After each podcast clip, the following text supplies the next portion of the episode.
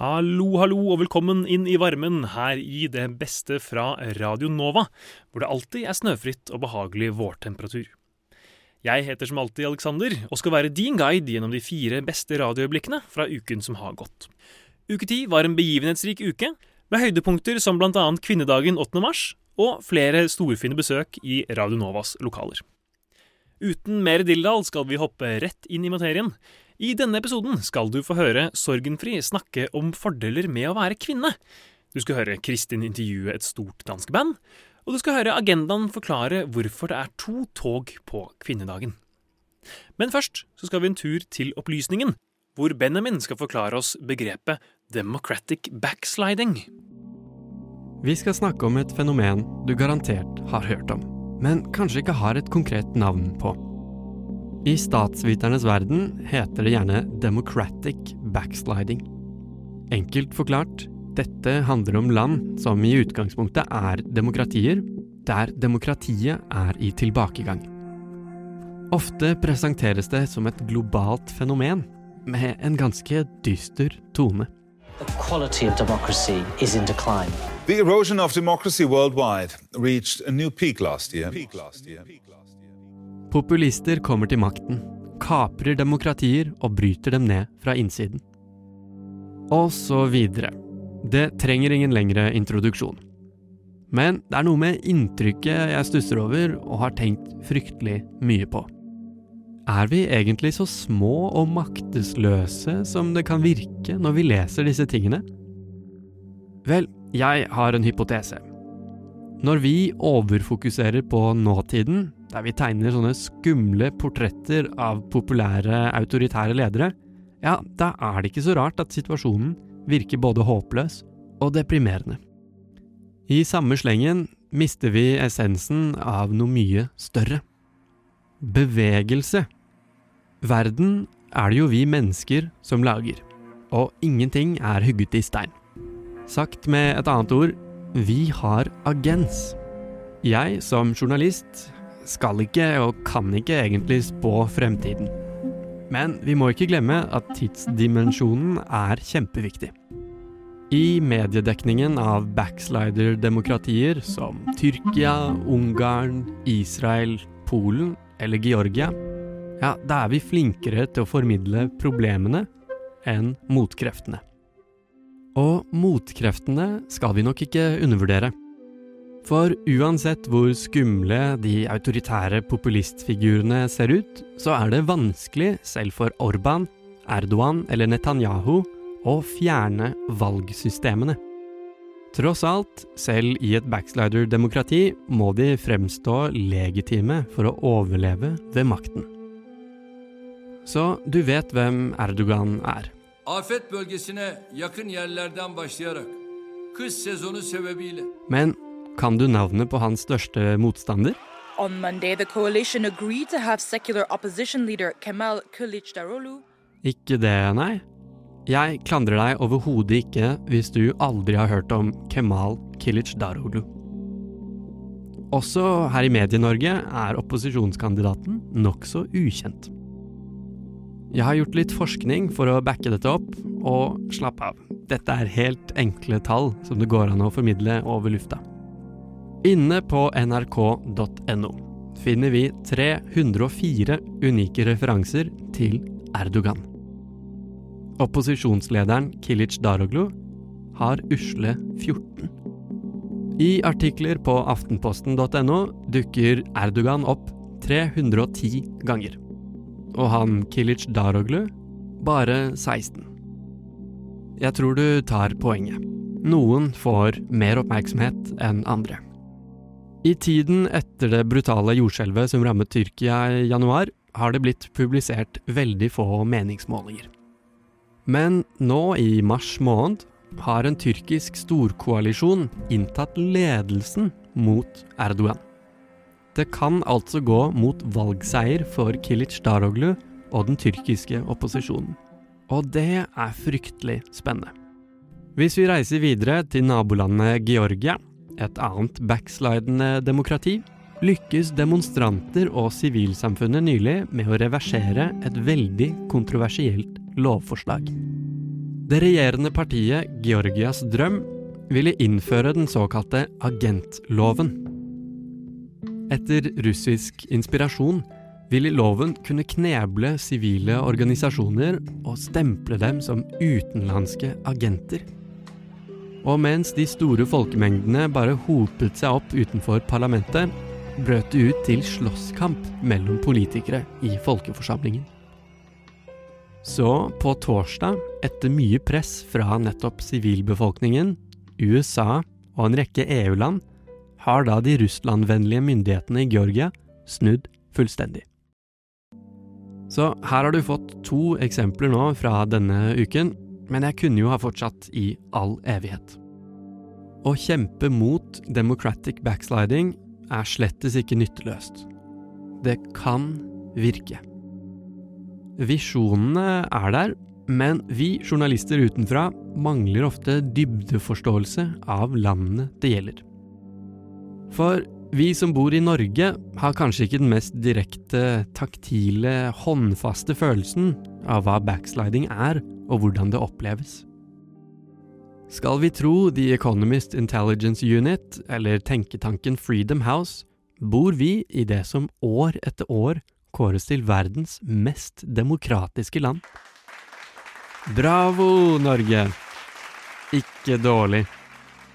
I en artikkel for Carnegie Endowment for International Peace har forskerne Tom Carothers og Benjamin Press forsøkt å undersøke backsliding gjennom historien. Statsvitere er ofte veldig uenig i hvordan man skal sette tall på demokratisk utvikling, men Carothers og Press har likevel landet på en usedvanlig optimistisk konklusjon. To av tre backsliderland havner omsider tilbake på demokratisk kurs.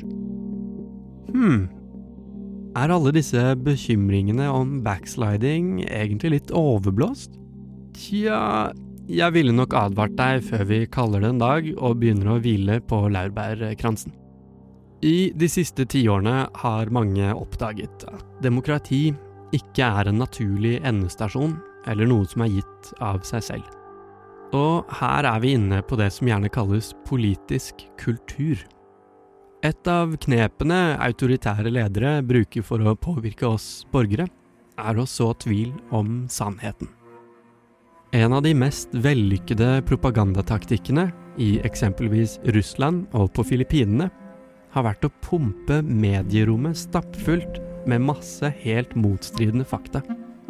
For hvis vi borgere får følelsen av at ingenting egentlig er sant og alt er mulig, ja, da er det ganske vanskelig å ta stilling til noe som helst. Hovedmålet med denne typen moderne propaganda er bestandig det samme. Å bryte ned borgernes tro på sin egen handlingskraft. Det klinger som en klisjé fra samfunnsfagtimen, men sivilsamfunnets engasjement er en helt nødvendig bærebjelke i alle demokratier overalt på kloden. Ukens påminnelser fra Tyrkia og Georgia burde minne oss på at vi har agens. For borgere som deg og meg er det kanskje nyttig å tenke på demokrati som et verb. Noe vi gjør og lager hver eneste dag.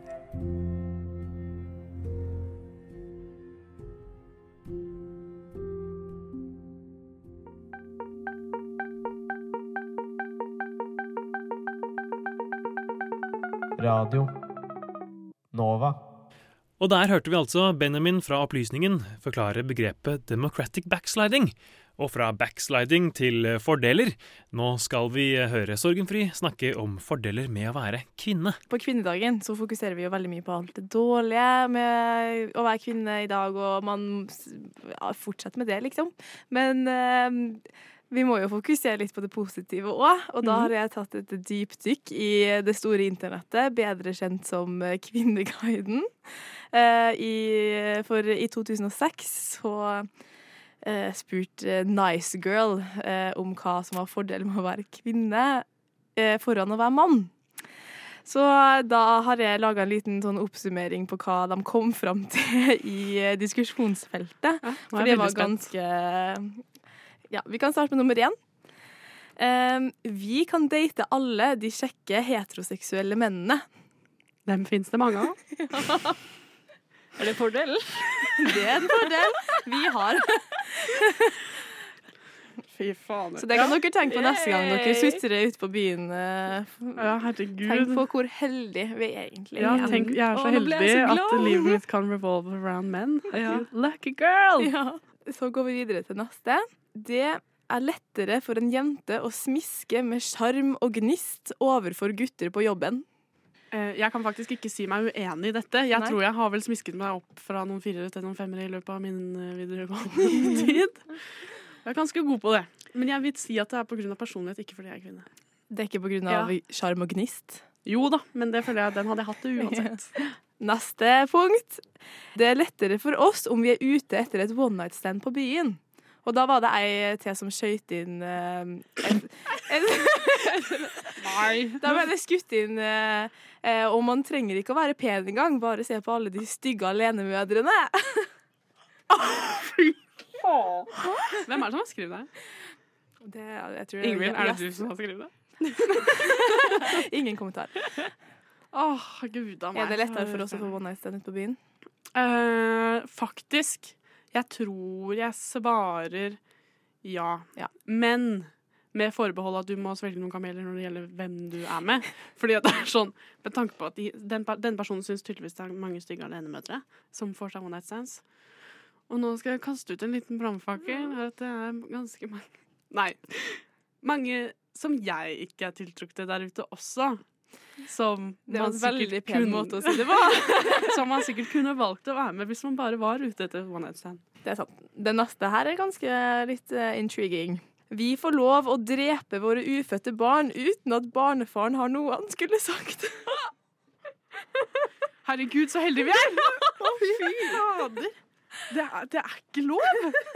Men jeg er så nysgjerrig på hvem det er som har skrevet det her. Ja, det, det Kanskje noen som snakker av erfaring. Jeg skal si jeg syns ikke man er heldig som kan gjøre det, men eh, jeg, har, jeg er veldig sterk på den meningen at jeg syns ikke barnefar har noe å si. Men det er en annen diskusjon. Det er en annen diskusjon. Og uansett, det er ganske vondt å ta abort. Da går vi over til den siste, som er kjempekjekk, syns jeg. da. Eh, fordi vi slipper å være redd for at eh, det en dag dukker opp en ukjent sønn eller datter på døra vår. Ja, det hadde vært litt uheldig om du ikke merker at du har vært gravid og født. Ja, ja, det Jeg hadde blitt litt jævlig overraska om det kom en som mente det var mitt biologiske barn på døra når de var voksne. Ja.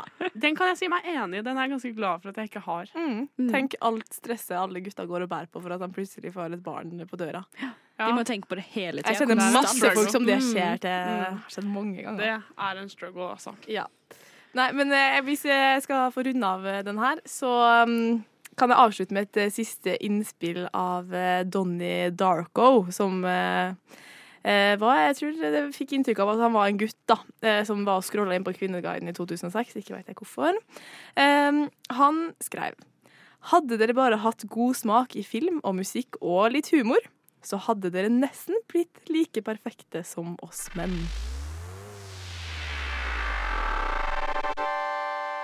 Radio Nova.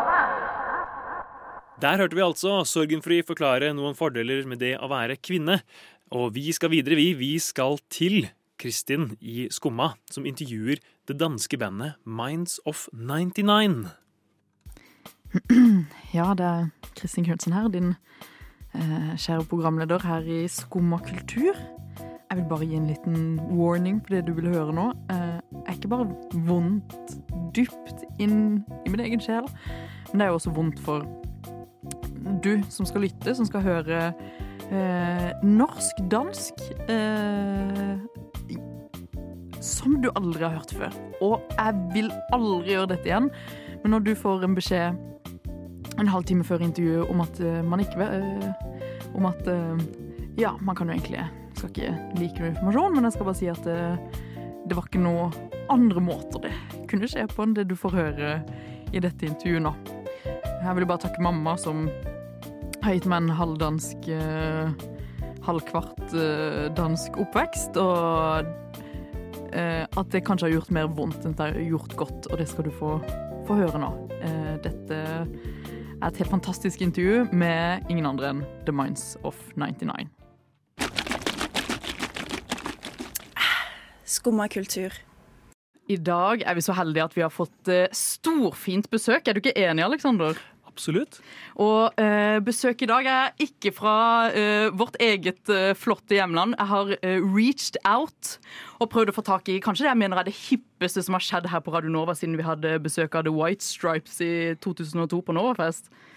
Vi har besøk av The Minds of 99. Welcome! Tusen takk. Ja, hva sker? Her, vi må jo nesten til dansk, fordi det er jo fra Danmark. Hva skjer der, mann? Mm. Um, der, sker, der sker ikke så mye. Altså, vi er, vi kommer til Norge, Ja. um, og vi kom her i, i morges. Vi har kørt hele natten Har dere kørt? Gjennom øh, snestormen. Øh, og uh, så kom vi her i, i, i morges, og uh, nå er vi landet. Skal vi spille i aften? Ja, på Vulkan. Vulkan. Ja. Vulkan. Mm. Og det er jo nå vokalist Nils du hører. Eh, og dere har da kjørt igjennom eh, Sverige, for dere har vært i Sverige også.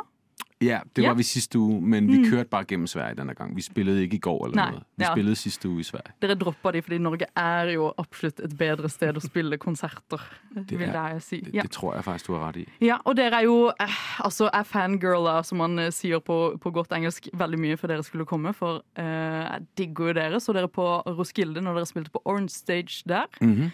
Og det var jo amazing. Jeg har hørt helt uh, kaoset har lest i Gaffa om uh, når dere fylte eh, Parken. Er det ikke det? her? Ja, det gjorde vi, ja. Med 50 000 mennesker. Ja. Det er jo insane. Og Alexander, det er jo litt sånn uh, å sitte her Ja, med du tar og føler på spenningen her. ja. Men dere skal da spille for utsolgt Vulkan, og hva er det, det, det norske publikum? Vi, vi fikk lov å spille uh, siste september Ja. på, uh, på Blå, Mm. og øhm, det var en virkelig fed oplevelse. Ja. Altså, og, og vi synes, det er spændende at komme herop og, og spille. Vi, som du selv nævnte, så er tingene blevet rett store derhjemme. Mm. Øh, men vi kommer jo fra de der små klubber, Ja. øh, og, og derfor så føles det godt for oss, tror jeg, at komme litt tilbake. Mm. Altså, det er, føles litt unormalt å stå foran 50.000 mennesker, for å være ærlig. Ja. Øhm, så det, det er godt for oss at komme herop og spille noen mindre steder, tror jeg. Mm. For jeg har jo lest i noen tidligere intervjuer at uh, dere syns det var mau show å spille den store konserten på Parken, men det at det er de små klubbscenene som kanskje føles mest som hjemme. Ja, Mm. men sådan tror jeg, de fleste musikere har det. Ja. Altså, det er jo der, man starter. Og vi, vi er jo vant til å spille foran ti mennesker, der ikke gider lytte på oss. altså, det var jo sådan, det, det var i meget lang tid. Ikke? Mm. Så det er, jo, det er jo kun de siste par år, at tingene er blevet så store. Ja. Øh, men, øh, men det vil vi også gerne have sker her. Mm. Altså, vi er jo taget herop, fordi at vi, vi, godt vil, vi godt vil være her, hvis I vil have os. Mm. Og det er jo uh, mer show at dere prøver å komme her til Norge, og dere uh, spiller jo utsolgte konserter. Men det å ha det uh, danske språk i liksom, den norske musikkscenen, det er jo ikke vi så mye vant til, egentlig. Hvordan funker det for dere? Det ved vi jo ikke. Altså, Nei, det er jo, det er jo jo lidt... spilt på blå. Hvordan fungerer det der? Jamen, jeg tror, det, jeg tror, det fungerer yeah. meget godt. Altså, øh, det, der er jo også nogle andre ting i vores musik, kan man sige. Øh, der er meget energi i det. Mm. Og, og, og det er... Jeg tror også, det er noget musik, som folk egentlig godt kan forstå, yeah. uden at forstå, hvad jeg nødvendigvis siger. Mm. Altså, jeg tror godt, de forstår budskabet på en eller anden måde. Ja.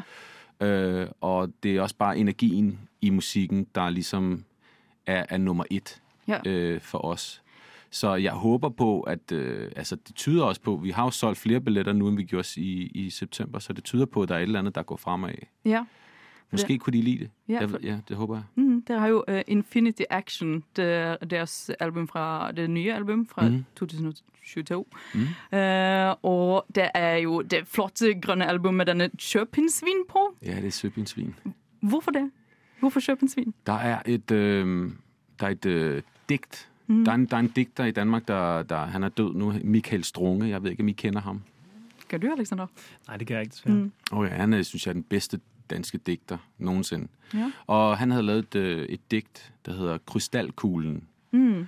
Øhm, og så øh, er der en linje der, der hedder Et søpindsvin i flammer. Ja. Øhm, det er super smuk, øh, okay. smukt billede, synes jeg. I flammer? Ja, ja, den er så ikke i flammer, søpindsvinet, men Mm. så blev det så søpindsvinet, der kom, øh, der kom på coveret. Ja. Mm. Jeg går litt lide Ja, i, I Norge så heter det kråkebolle, som er ikke et, ikke et like hot ord, eh, hot ord som på, på dansk. Uh, men dere har jo et sånn uh, album er jo veldig sånn, sånn en blanding av både litt sånn rock og techno, og det kunne liksom like godt vært spilt på Distortion, noe av det føler jeg. Ja. Og dere har jo vært på Roskilde med det, så det er liksom kanskje den sjangerbredden som er det unike i det Ja. dere har lagd. da. men det er jeg glad for, du synes. Øhm, det er, jeg synes, det er noe fucking rod. Ja. altså, jeg synes, det er mega rod. Men dere er jo litt sånn king of, eh, king of chaos, har jeg hørt fra ulike intervjuer som sier at dere går nærmest litt sånn i eksil når dere skal lage, lave Ja. deres musikk. Ja, det gjør vi alltid. Vi tar alltid sånn nye steder hen. Og, Hvorfor? Jamen, øh, jeg tror ikke, vi har det så godt med å være i et studie. Okay. Øh, vi kan bedre lide å bygge et studie Mm. et eller annet sted. Eller Okay. være sånne steder, hvor at, øh, det ikke koster så mange penge Mm. at være. Jeg kan ikke så godt lide, når, øh, når man bare føler, at, at, øh, at tiden går, og, og at man bare bruger tonsvis af penge på at være et eller andet sted, så får jeg stress. Så Mm. det er bedre at tage et eller andet sted hen, hvor der ikke er nogen forventninger til noget som helst. Ja. Vi tog til, øh, vi tog til Los Angeles for at bare sådan have sådan en tur. Bare os, vi havde haft et, et, et meget langt år, hvor vi havde spillet mange, mange koncerter. Så, så tænkte vi, skal vi ikke bare tage til Los Angeles og, Ja. tage, og bare tage i byen en hel uge? Mm. I Norge så kaller man det for guttastemning, som er et sånn ja, det er guttastemning. Guttastemning. Fuldstændig. Men det er sånn, uh, sånn uh, Six guys eh, having fun in a cabin eh, vibes. guy. Ja, den der hangover-movie. Ja, litt sånn. Litt Så sånn. det hedder, så tog vi derover, og så, øh, så hadde jeg et- mødt en fyr, øh, som var producer, Mm. som også er dansker. Ja. Øh, og så, så tænkte jeg, skal vi ikke bare lige tage over og besøge ham? Så besøgte vi ham. Ja. Og så, øh, så forlod vi ikke hans studie i en uge. Så blev vi bare der, og så lavede vi nærmest halvdelen af den plade. Ja. Altså, og det kom bare sådan. Mm. Øh, et sted, hvor man ikke lige havde regnet med det. Ja. Så øh, sådan er det tit. Altså, Fordi dere laver mye av deres øh, kunst i kaos, har jeg fått med meg. Liksom, Mm. Det er- baserer mye av liksom, musikken deres på at det, liksom, det er deilig og seigt å være i meget kaos. Ja, det var det lige der i hvert fald. Mm. lige, lige under den der plade. Og dejligt at, øh, at komme ud i nogle andre. Altså vores tre første plader er meget mere sådan øh, konceptuelle. Ja. Og mere sådan stramme i deres udtryk. Hvordan da? Øh, det er mere, øh, de, der, der, stikker, der stikker genrerne ikke så meget i forskellige Mm. retninger. Det, Ja. det er mere rendyrket postpunk eller, eller new wave øh, musik. Ja. Øhm, og så, øh, så tror jeg bare, vi havde brug for at lave noget, der var noget helt andet. Ja. Altså, For hva kan man sammenligne dere med av andre danske artister? Infinity Action, Ja. det ved jeg, der ved jeg faktisk ikke, hva man kan sammenligne det med. Mm. Nei, men Øh. det selv? Det, man, eh, Øh, hva er det li like på? Nå, altså, hva vores, hvad Ja. vores band lyder som? Ja. Ja. Øh, jamen, altså, til at starte med, så, så var det meget sådan noget Devo, Mm. og hvad var det, David Bowie og The Smiths, og øh, New Order, og, Mm. og øhm, altså sådan nogle new wave, øh, så post-punk Ja. bands. For eh, som eh, noen som har hørt på dere en liten stund selv, så føler jeg dere har litt sånn Det, det danske unike er sånn Blau Bloom, som Ja. jeg syns jeg, jeg har litt sånn lik sound på. Og så er det jo det, og så føler jeg sånn Det er den derre uh, artsy uh, viben der danskene bare mestrer sånn perfect. Og det er jo deres i deres album også, føler jeg. Ja. Sånn det er å ta kunsten så tett inntil musikken. Det lyder du godt. Mm. Så eh, ja, ja, men riktig. Eh, Vi har ikke det i Norge. Da har vi kun eh, festmusikk og russmusikk, holdt jeg på å si, Alexander. Ja, jeg sliter med å finne noen som tilsvarende. I har da de der øh, Keisers Orkester. Ja, Ja, nettopp. Det er selvfølgelig litt eldre. Ja. Jeg spiller faktisk fotball med gitarristen for Keisers. Orkester hver mandag. Du gjør det? Ja, det gør jeg. I Danmark? Ja, i Danmark. Spennende. Geir, Geir han. Han- Geir? Ja, eller G-E-I-R. Ja. Mm. Ja. Flink fyr. mm, Spennende. Utmerket fotballspiller, faktisk. Ja. Nei, jeg vil jo si uh, egentlig bare takk for at jeg hadde lyst til å komme til eh, Minds of 99. Det jeg skal spille på uh, Nå tar jeg det på norsk her igjen.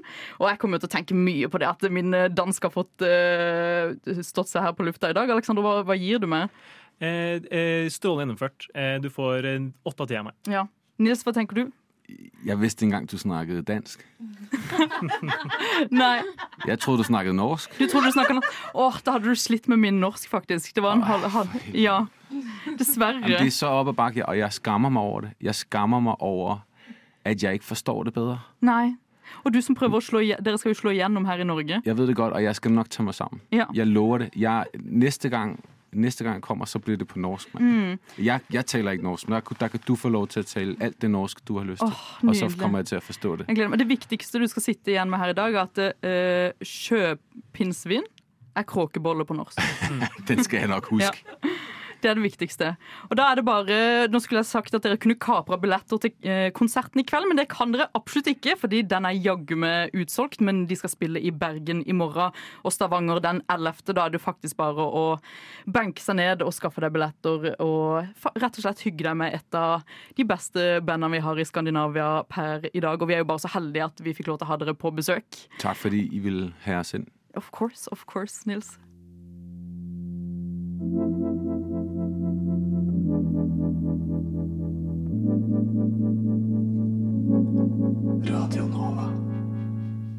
Og der hørte vi altså da Kristin fra Skumma intervjue det danske bandet Minds of 99 på litt sånn dansk-norsk. Jeg var selv med inn i studio, litt som eh, tolk, men eh, Kristin klarte seg heldigvis uten at jeg måtte steppe inn så altfor mye, og jeg håper at du også som hører på, forstår hva hun sier, selv om det ble en litt interessant blanding av dansk og norsk. Nå skal vi videre til det siste klippet for denne episoden. Vi skal til lobbyens nye kortformatkonsept, Agendaen, hvor Chris og Robin skal forklare oss hvorfor det er to tog på kvinnedagen. I want to say thank you to the gay agenda. Let's go, gay agenda! Agendaen, en miniserie av lobbyen på Radio Nova.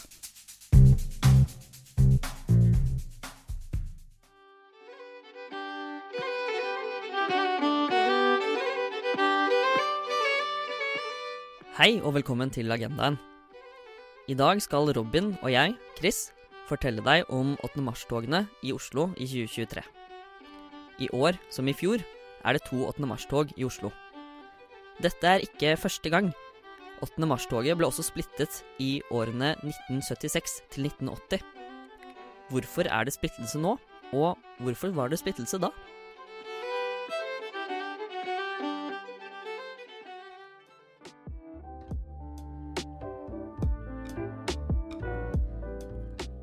«8. mars er den internasjonale kvinnedagen, og i Norge markerer vi dagen ved å gå i tog for å løfte likestilling, kvinnekamp og diskrimineringsproblematikk. Siden vi startet å markere dagen i 1972, har markeringen spredt seg over hele landet, og mange feministiske organisasjoner har oppstått og utviklet seg. I dag er det 8. mars-komiteen som er ansvarlig for den offisielle markeringen i hovedstaden. Denne markeringen skjer klokken seks på Jungstorget 8. mars hvert år. I år, som i fjor, arrangeres det også et alternativt arrangement i tillegg til hovedarrangementet. I år er den alternative markeringen arrangert av den nyopprettede organisasjonen Inkluderende feminismeinitiativ, eller IFI. Dette arrangementet foregår også klokken seks den 8. mars, men dette arrangementet starter på Eidsvoll plass.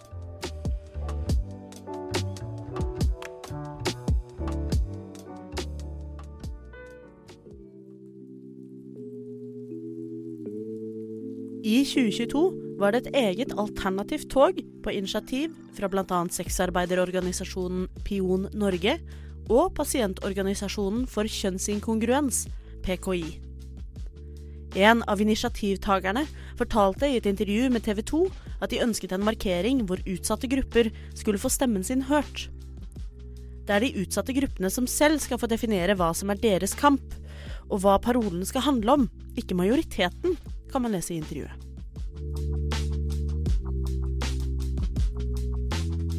Det hadde i lengre tid vært gnisninger innad i de feministiske bevegelsene i landet, også i 8. mars-komiteen i Oslo.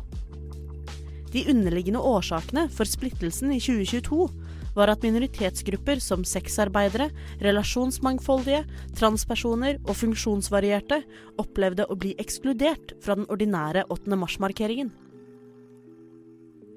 I 2022 ble det også foretatt en vedtaksendring hos den offisielle 8. mars-komiteen, som fratok stemmeretten til møtedeltakere som ikke identifiserte seg som kvinner.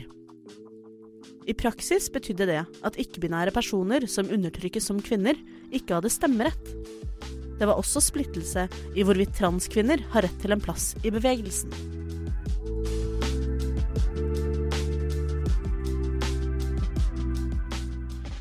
Etter årets parole og vedtektsmøter for 8. mars-komiteen besluttet inkluderende Feministisk initiativ at de ønsket en alternativ markering også i år. Under parolemøtet erfarte IFI at flere transfobiske innlegg ble tillatt fra talerstolen.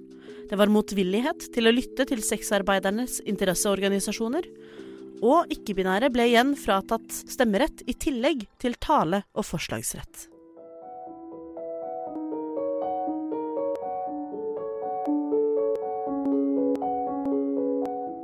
Feminismen som ideologisk bevegelse er mangfoldig og har gjennom historien forgrenet seg ut i mange ulike underideologier. Dette har også ført til at noen ideologier kan ha motstridende kampsaker og ulike prioriteringer. Da 8. mars-markeringen i Oslo ble splittet i 1976 til 1980, var det likevel mer organisatorisk begrunnet enn det var idépolitisk. Det ble stiftet en 8. mars-komité, og alle paroler i toget skulle være vedtatt av komiteen. Denne markeringen ble organisert av organisasjonen Kvinnefronten, og fokuserte mye på arbeiderklassekvinnens utfordringer og rolle.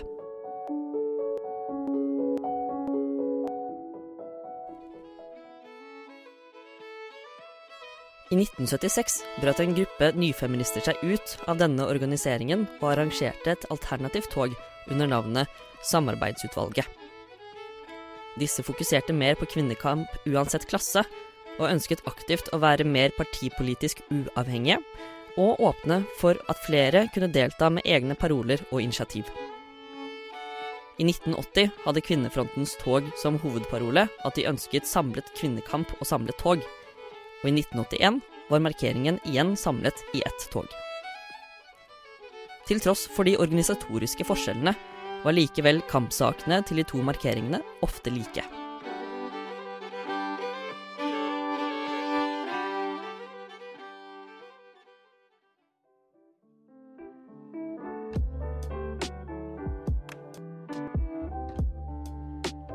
I senere tid har de feministiske ideologiene utviklet seg i takt med samtidens problematikk.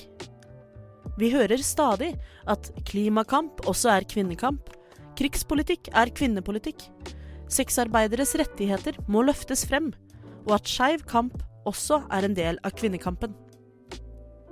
Særlig sexarbeid og skeivt mangfold har vist seg å skape mye splid i dagens feministiske bevegelse. Det er uenigheter i hvorvidt den norske sexkjøpsloven skal forsterkes, endres eller fjernes. Det er også konflikt rundt transkvinners plass i bevegelsen, og hvorvidt ikke-binære skal inkluderes i kvinnekamp.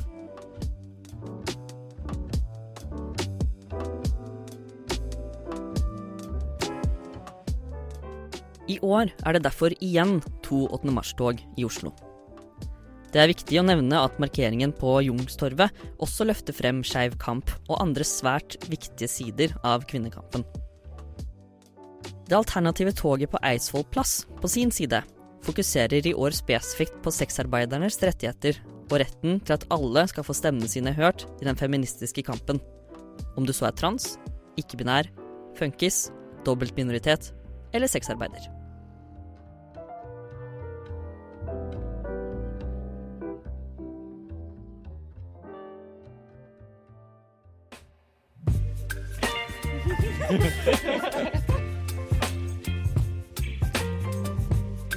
Agendaen. Agendaen. Agendaen. Og Der ble vi altså litt klokere på hvorfor det er to tog på kvinnedagen.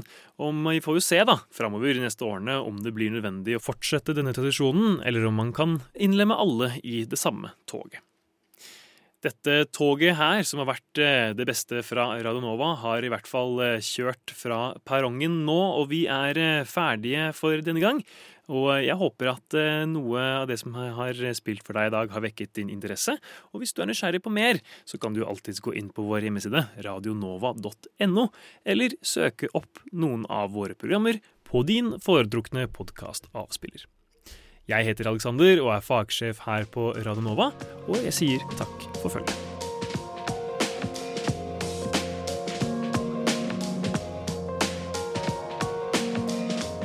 Du har hørt på en podkast fra Radio Nova.